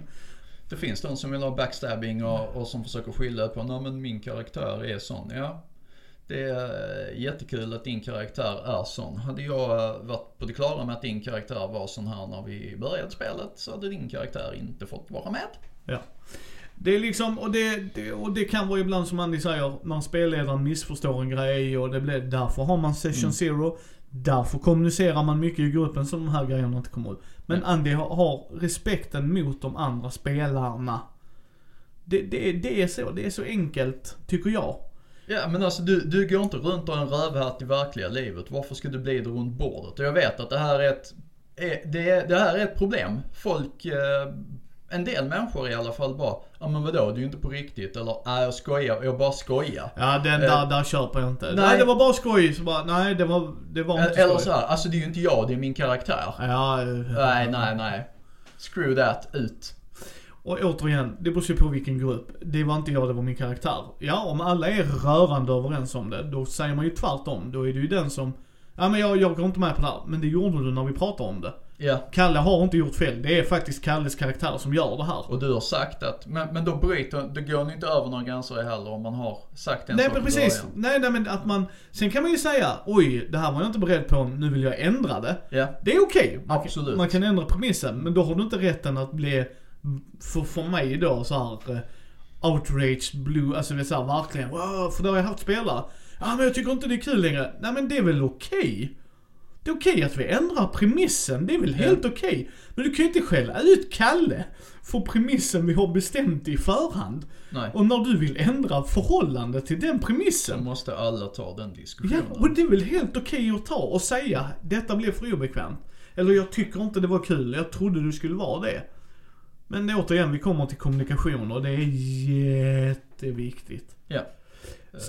Jag, jag vill bara säga det här vad det gäller respekten och sånt också. Ja, det är klart att gruppen är en demokrati och så här. Men det är alltid den som lägger, ska jag säga, ribban lägst. Som, har, som har företräde. Alltså man, man ska inte bara säga, ah, men det är inte så farligt, kan vi inte? Och, och försöka övertala någon att, att gå över det. Gör inte det. Varför, varför då? Är, är ditt nöje så pass mycket viktigare än den här personens välbefinnande? För då, än en gång, är du inte välkommen vid mitt bord.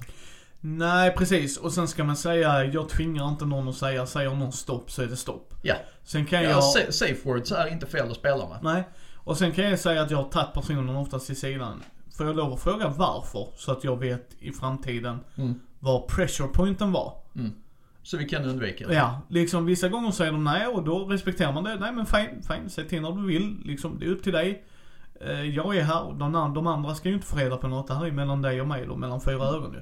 Så det håller jag med om. Den som sätter ribban lägst. Och sen, vi får alltid, vi är individer allihopa. Ja. Det är inte svårare än så. Och vi tycker olika grejer är We roliga. are the Borg, är det inte? Nej, det är du, det, det är du och din You son. will be assimilated.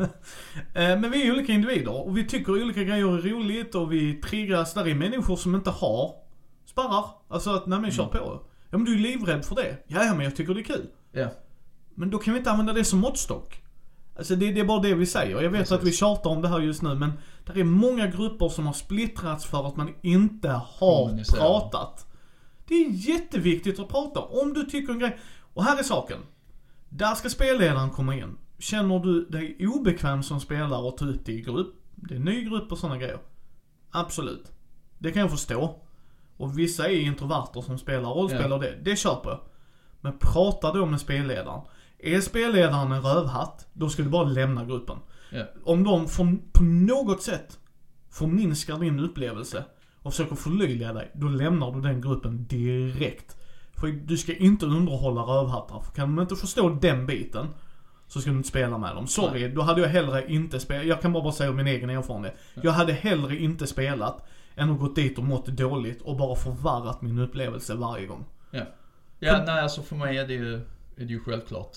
Ja. Eh, Och då kan spelledaren säga tyvärr då passar du inte i vår grupp, vi har spelat i 30 år. Ja men då är det så. Men då har han åtminstone lyssnat och förklarat. Ja. Vi är för ingrodda i det. Och det, det får man också på ett sätt respektera ju. Ja, ja, ja, kommer det in någon så. Men sä, sä, skapar man en ny grupp. Idag så är det jättevanligt att man söker spelare på Facebook och liknande. Ja, Och, då, precis. och, och då, då behöver det inte vara folk som känner varandra. De kanske bara är medlemmar i samma grupp och råkar Ja. bo inom Ja, ett visst geografiskt område. Precis. Och där är det extremt viktigt att redan innan man börjar spela, man har de här samtalen. Man behöver inte öppna sig jättemycket och förklara varför man tycker att någonting är jobbigt.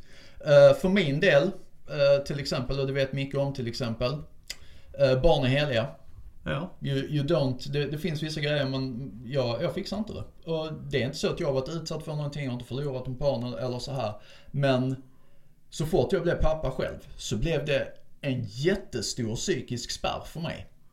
Eh, Det räckte med att jag spelade Fallout 3. När jag såg de här rostiga trehjulingen första gången, det var nej faktiskt jag spelar inte mer. Eh, Sen spelar jag ju mer efter, efter ett tag. Men alltså på den nivån ligger jag. Och eh, Micke vet om det till exempel. Det finns vissa ställen han inte går till. Ja, nej. Och, och det är det jag menar. Det är samma sak med tryckande känsla under vatten. Ja, När, eh, när jag eh, var sju bast höll jag på att drunkna. Jag har minnen av den. ja. Jag, jag tycker inte om det. Jag Nej, kan fortfarande simma det är bara. inga water traps med Micke liksom? Nej, nej då, då kan, eh, då kan jag, det har aldrig hänt men då hade jag kunnat lämna. Ja. Ehm, och, och det är det jag menar, där, där blir det ju lite den grejen att, ja, när man har en ny grupp, Ja. då är för mig sek, alltså, sittning, Session zero. Ja, session, eller sittning noll. Första sittningen man gör, den absolut viktigaste. Alla andra är bara grädde på moset. Men Mm. det är den första viktiga grejen. Sen vill jag ha av spelare om jag ska cherrypicka, gärna att de är med och bollar, men det är också individen och vad jag förväntar mig och vad de förväntar sig. Då är Andy precis som han sa där, som vad jag förväntar mig av en spelledare. Jag vill ju bolla med spelledaren, jag vill spela Ja. ut scenen. Då vill jag ju kunna göra det med mina spelare också. Ja. Men med det sagt så vill jag att det ska ske naturligt för dem. Jag tvingar inte in dem på fel sätt. Utan jag öppnar upp för det. Du går in på baren. Hej Andy! Karaktären känner dig sen innan. Så bara, ja okej. Jag har haft hur många bra sektioner som helst med spelare. Som inte har varit jättelätta att bolla med, men öppnat upp sig ännu mer när de förstår. Din syster kommer på besök. Så tänker jag, shit, då måste jag spela min syster. Så bara, nej, du beskrev för mig att ni var bästa vänner. Så bara, tjena brorsan, jag går in och lagar lite mat. Alltså då bara släppte allting för individen. Ja. Men det är ju vad jag vill ha av en, jag vill ju ha som du sa, engagemanget och allt det där. Ja. Men jag vill ju också att man ska utveckla sig själv, försöka Ja. improvisera. Det är därför jag älskar min kusin En, en, Frykis. vil, en vilja att utvecklas. Ja precis. Det är därför jag älskar min kusin Frykis. Han gör vad han vill göra. Sen har han lite problem att lyssna på andra också, men det är något han jobbar på. Det är gruppens uppgift att prata om Jag det också. säga det igen, det är inte så att Frykis kör över folk eller Nej, så. Utan nej. det är snarare så här, om Frykis tycker att en idé är bra oavsett hur galen den är. Så gör Frykis en Frykis. Yes, så gör han idén. Och vissa gånger så har inte folk varit beredda, vilket jag har sagt, det är lite er eget fel. Mm. Frykis sa att han skulle göra A, han gjorde A. Ja men vi gillar inte det. Absolut. Men Frykis sa att han skulle göra A. Ni Ni hade all honom. Precis. Ni hade också all chans att prata med Frykis. Snälla gör inte A. Och då gör inte Frykis A. Men står du bara och metaspelar, som de oftast har gjort, Ja. så går Frykis, jag går in och så gör jag grejen. Ja. Och så har de straffat sig själv. Men Frykis, Frykis metaspelar inte. Nej, han gör Det inte det. är, det är fantastiskt. Det är ytterligare en fantastisk egenskap med dig Frykis som du hör mig. Ja. Love you man, love you. Eh, metaspel, man har, jag har inga problem med att man metaspratar Nej, efter sektionen. nej. Det här tyckte vi var bra. Skulle våra karaktärer ha gjort så här. Men jag, oftast, oftast, inte Mm. alltid, men oftast är jag emot det i spel. Ja, jag också. Eh, I alla fall 98% av tillfällena Yes. så tillför inte metaspel någonting till spelupplevelsen. Nej, tillför den om man argumenterar för det. Ja. Annan bollpark. Men, Ja, alltså ibland, ibland, ibland är det tyvärr så att om, om någon spelare har totalt missat eh, någonting så här och gruppen kör fast på grund av detta. Ja, nej men snälla, för att spelet ska rulla vidare kräver det här lite metaspel eh, i just den här specifika situationen för att storyn ska, ska kunna rulla vidare. Då blundar jag för det. Men Ja. generellt, nej metaspel är inte. Jag menar ni bläddrar väl fasingen inte till sista sidan i, eh, i deckarboken. Ja okej, Micke gör men alla andra. Nej, det gör inte mycket heller. Där är ingen poäng. Där är ingen poäng att metaspela. Där är, jag har inga problem att spelare frågar mig, borde min karaktär veta det här? Ja. Och då kan jag svara ja, nej, kanske vi slår för det. Mm. Det har jag inga problem med. Mm. För det är ju bara någon som bara, nu kan inte jag själv, borde min karaktär kunna det? Mm. Eller nu kan jag någonting själv, borde min karaktär kunna Ja. det? Och då metaspelar de inte om de frågar om de får lov att använda det i spelet. Precis, utan vissa gånger har jag slått för det också. Mm. Och då har spelledaren varit okej med det, men jag slår för det. Om jag slår tillräckligt högt så kan jag det. Ja. Nej, jag slår lågt. Nej, jag har ingen idé, säger jag bara. No clue. Och så går man vidare. Sen, tråkigt att säga det, men sköt gärna er hygien. Det gäller spelledaren också. Ja, alltså man sitter ganska tight runt bordet. eh, Ofta i, i små trånga rum och sådär. Ehm, Men det, det kan jag säga, det har blivit mindre vanligt. Men Ja. när vi var unga, Ja, källarlokalerna på 90-talet. Hur många kommer ihåg dem? Hur många önskar att de glömde det? eh, men med det, men det är lite så här. Men Deodorant kostar inte så mycket. nej, men det har blivit bättre. Men där har jag ju fått säga till folk, tyvärr. Mm. Eh, liksom. Det är känsligt, men ehm, Mm. så är det. Så är det ju. Och, eh, men där är återigen kommunikationen ju. Eh, sen, Jag har en grej jag vill ta upp också. yes, kör. Och det är i alla fall en rudimentär kunskap om mekaniken. Jag sitter inte och säger att någon ska kunna detalj hur alla feats och, och så här fungerar. Men i alla fall det grundläggande. Eh, hur funkar de mest basics, färdighetslagen och så här. Vad betyder de olika siffrorna på rollformuläret? Eh, det, det, det, det, ska jag inte, det ska ingen behöva sitta och förklara. Okej. Eh, undantag här. Lär du dig spelet då. Ja. Det är dina allra första spelsessioner. Självklart kan du inte allting. Du kan inte sitta och läsa dig till allting. Det, det lär ingen sig av. Men är du en hyfsat erfaren spelare eller så, då, då förväntar jag mig att du faktiskt har intresserat dig tillräckligt mycket för att eh, så, veta vilken tärning du använder till vad och vad betyder siffra X. Och eh, jag håller helt med. Och jag lägger till min sista här så vi kan börja avrunda. Mm. Skriv för FF6 bakgrunder på era karaktärer.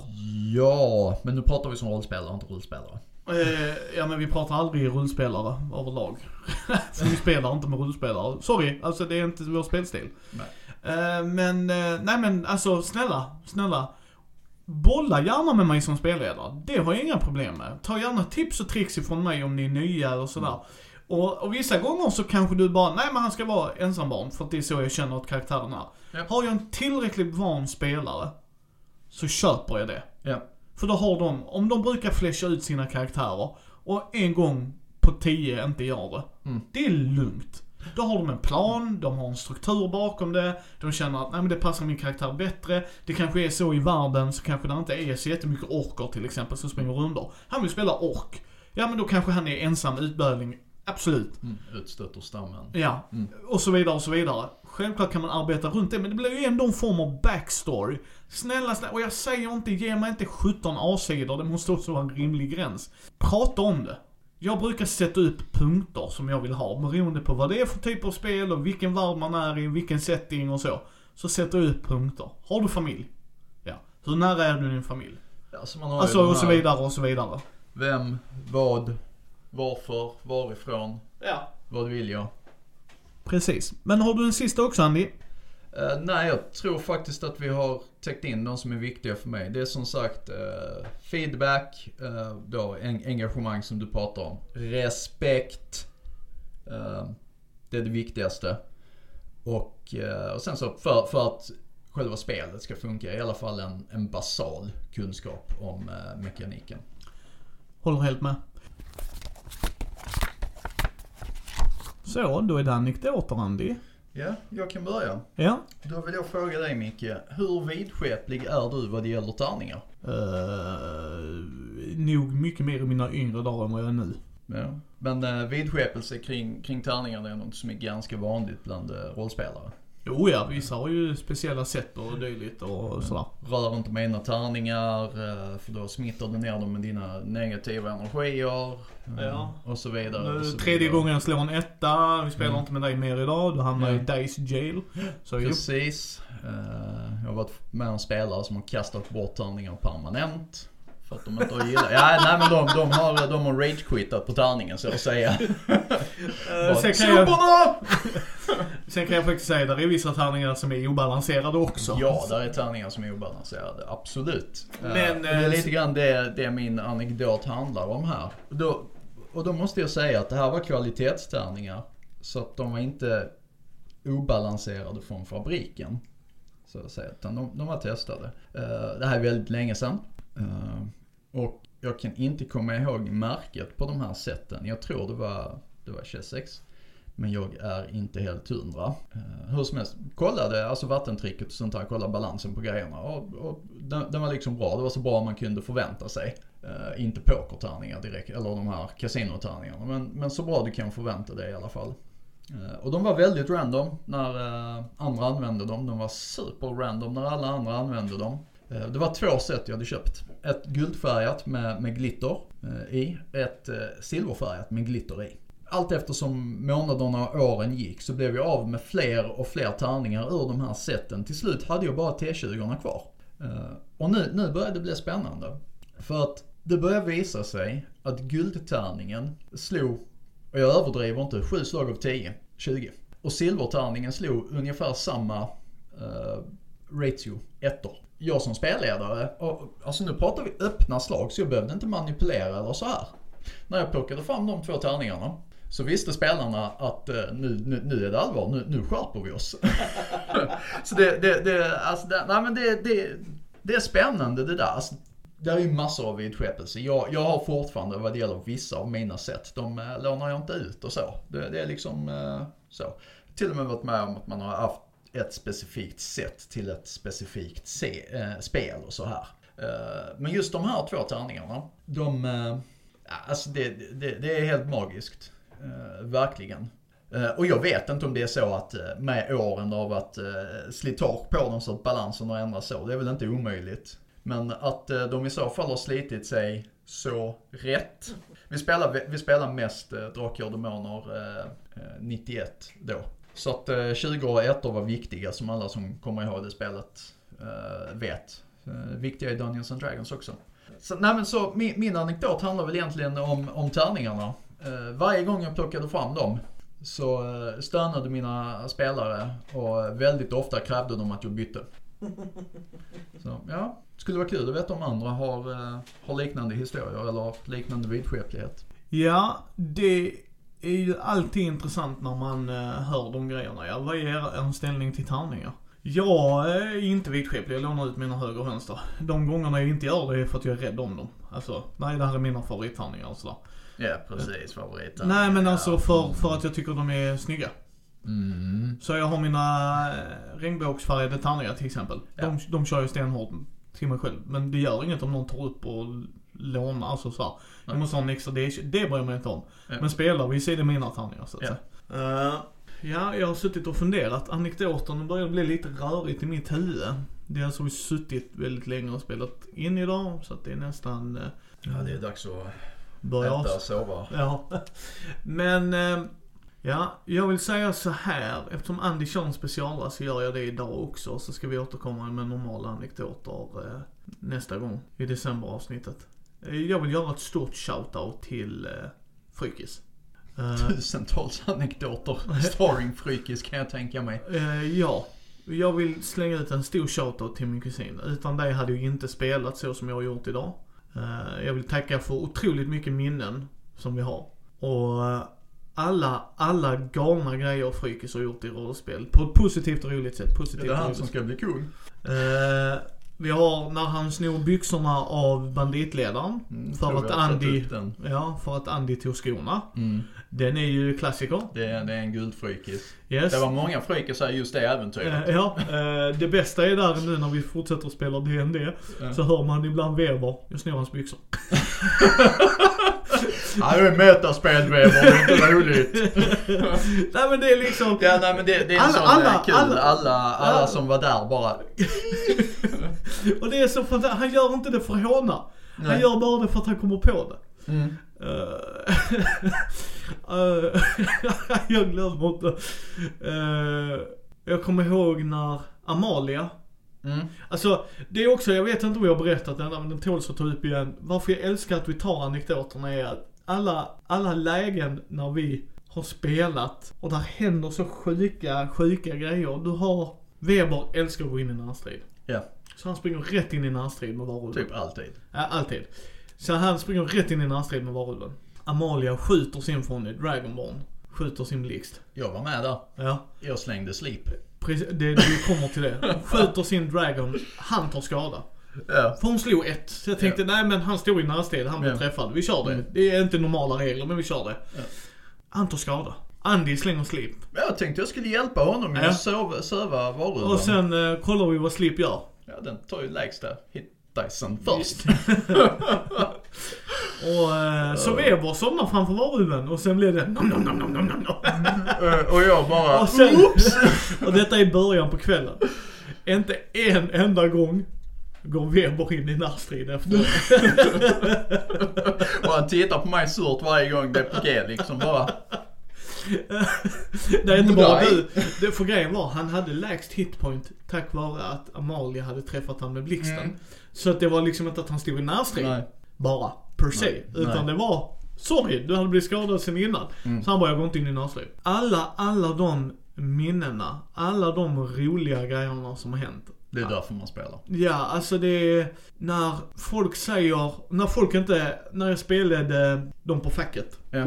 Eh, och en av dem, Johan, han hängde inte med i plotten här. Vilka var det? Vem var det? Mm. Och så Mats, den andra kursledaren, och Johan var också kursledare.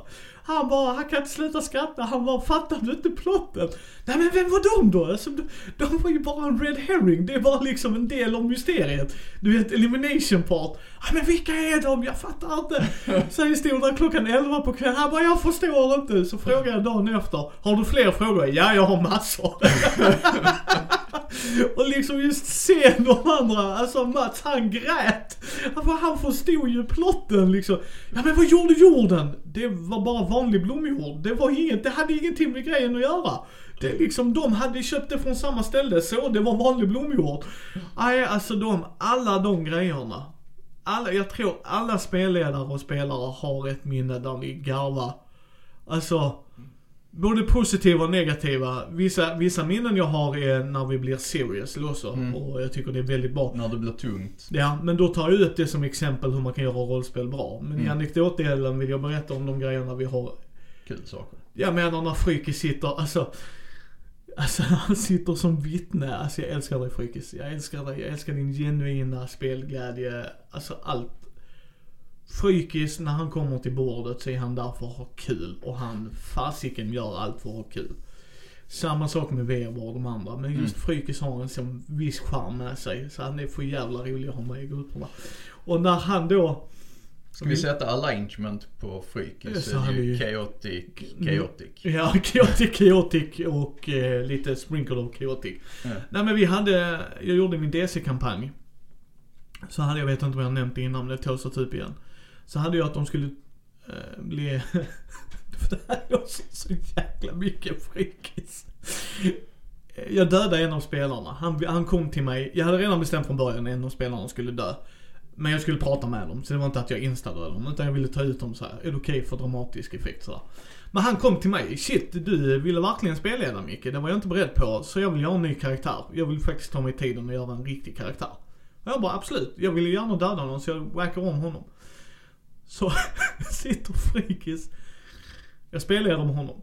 Fighten dyker upp. Han dör. Då bara Frikis bara, dog han? Så fick jag be de andra gå ut och liksom Mm. sådär, så spelar vi sista scenen och sådär. Och sen försöker Frikis läka honom. Han försöker kolla, för han har läkning på sin gubbe och han letar du vet. Så tittar, tittar Mark, eh, han var duktig på regler också, så tittar han på mig. Eh, han var död längre än 10 minuter. Ja, det går inte Frikis. Det är Frikis han bläddrar, han bläddrar. Och Mark förstod ju reglerna så han kollade upp vad som krävde, vilka ranker och så. Så han bara tittade. Han var död längre än 10 minuter. Det funkar inte, han vänder sig direkt till Frikis liksom. Mm. Det funkar inte Frikis, det går inte. Och han ville så jättegärna rädda sin, och det är det Andy sa innan. Han har sånt stort hjärta. Ja. Alla ska vara med, alla ska ha roligt. Han hjälper folk med reglerna. Amalia som vi har spelat med, jättesnäll tjej, jätteroligt att hon är med. Hon är ju inte alls med i våra nördgrejer annars inom kaninöron. Hon är ju nörd själv på sitt sätt. Men, eh, men hon går in och spelar med oss och då har Frikis hjälpt henne utan problem, utan att vara otrevlig. Det är ingen i vår grupp som är det. Nej. Men liksom man går till Frikis för att det är roligt. Och alla, alla saker Frikis har gjort. Jag menar, i det äventyret så blev han intervjuad, då körde vi live att de blev intervjuade av snuten. Mm. Och då fick alla fråga, vet du vem det är? Och så Frikis karaktär, Matthew tror jag han hette. Så kom det så här. Vad är din för relation till honom? Nej men det är någon jag känner lite ytligt sådär, vi går i samma kyrka. Och så kommer då Mis karaktär, så bara, nej det är min chefs kompis liksom sådär. Och så kommer hon till Frikis och bara, Mis karaktär, vi är bästa vänner. Han bara, Och så ser man, Scribble, scribble, scribble. och då ser man Mis, för Mis sitter bakom Frikis och han ser ju inte det, hon bara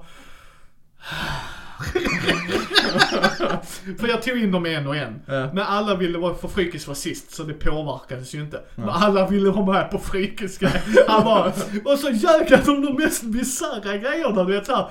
Nej men jag, jag kört hans motorcykel privat. Och Marcus så bara varför ljuger du om det? Det är ingenting alltså om att det Och han hade aldrig kört hans motorcyklar. Han bara, jag kör hans motorcyklar ibland och sånt. Så var är dina blodiga kläder vi såg med hemma? okej då får vi åka hem till dig. Nej och så bytte han mitt i, alltså det var helt, och så ser de andra bara, och så hans advokat spelade som Mis pojkvän Gombo. Det sista han sa till Frykis, bli inte kriminell. Jag bara, så förlåt att det blev lite långrandigt men tack så hemskt mycket Frykis för Ja. alla timmar. Och jag, jag måste få det till bordet igen. Fy fasiken vad jävla bra det är att spela med dig Frykis. ja, förlåt jag ska avrunda med en också. Eh, de gjorde en bomb i MUTANT År 0 när vi körde mitt Mad Max var, alltså sådär Ja. med gäng och så. Så sitter de och diskuterar och alla som känner Frykis vet att Frykis kan hålla med om diskussionerna till ett visst läge, sen går Frykis in. Ja. Så de, hur ska vi leverera bomben där till han chefen i huset där de har festen? Hur ska vi göra det här så här, så här, så här så här? Så fortsätter de nu i 10-15 minuter, sen hör man Frykis, jag går in med bomben. och sen lämnar Sebastian är likadan. Ja, din son Ja. ja. Han, han, han tröttnar på käbblandet och bara nej, let's do something. Boom. Och vissa gånger är det en fördel, andra gånger en nackdel. Men, eh, tack Frykis. Jag måste, alltså nu, nu när vi ändå är på det. Jättesnabb för mig äh, angående gå rakt in. Äh, spelade Dungeons and Dragons 3.5. Eh, gruppen ska in i en kobold infested eh, cave dun- dungeon då. De har uh, slått ihjäl vakterna utanför. Där sitter två facklor. De har liksom så här slängt ner dem för att det skulle vara mörker och så. De skulle kunna plocka dem. Sen står gruppen, två stycken spelljusers, och diskuterar i säkert 10 minuter eh, IRL hur de ska så här lysa upp där inne på bästa sätt. Eh, en av spelarna jag har med mig då, Tim, han står där och blir otåligare och otåligare. Sen säger han till mig bara, min karaktär böjer sig ner, tänder en av facklorna och sen går jag in. det var bara den. Ja, så kunde vi också ha gjort. Nej men det är det jag menar. Det är alla, alla, alla minnen. Tack alla våra spelare. Tack. Ja. Alltså tack för stunderna ni ger oss. Och som sagt, det är minnen för liven. Alltså folk som har spelat med Frykis kommer kunna ge hur många så här roliga exempel. Och det är därför vi kallar det en Frykis. Det är inget fel med det. Utan jag älskar det. Alltså jag... Alltså, det är så priceless. När man hör det med byxorna fortfarande. Alltså Ja. det är... Och så, Likadant, är det han som ska bli kung? ja, Det, är det det han som ska upp bli... hela tiden nu. Ja. Varför är vi i kö? Begång med er, flytta på er. Och så bara, Vegan peasant. och så bara, det är så kösystem fungerar. Han spelade en a boss. Han var verkligen Totalt privilegierad. clueless om uh, verkligheten. Ja. Li- Liksom var verkligen privilegierad. Vad är det här för jävla kösystem? Jag köar inte hemma i mitt keep, vad är detta? Nej. och så, Folk ni, flyttar sig när jag kommer. Så tack Frykis. Ja. Så shoutout till dig den här gången. Eh, ni hittar ju oss på mindy.nu. På Facebook, Spotify. Ja, på Spotify än? jo jo, vi Ja, har varit på. Spotify Ja, sedan ja, början det typ. Eh. Instagram, Twitter och YouTube på Mindys bräd och rollspelspodd. Mm. Gå gärna in och gilla oss där ju. Eh, nu är detta i november, tredje månaden där ju. Så snart eh, kommer det upp en liten julklappstävling. Det kommer mer information i nyhetsavsnittet. Men eh, ta en titt där. Mm. Så eh, tack för att ni har lyssnat och så hörs vi nästa måndag. Ja, hör gärna av er om ni har någonting. Absolut.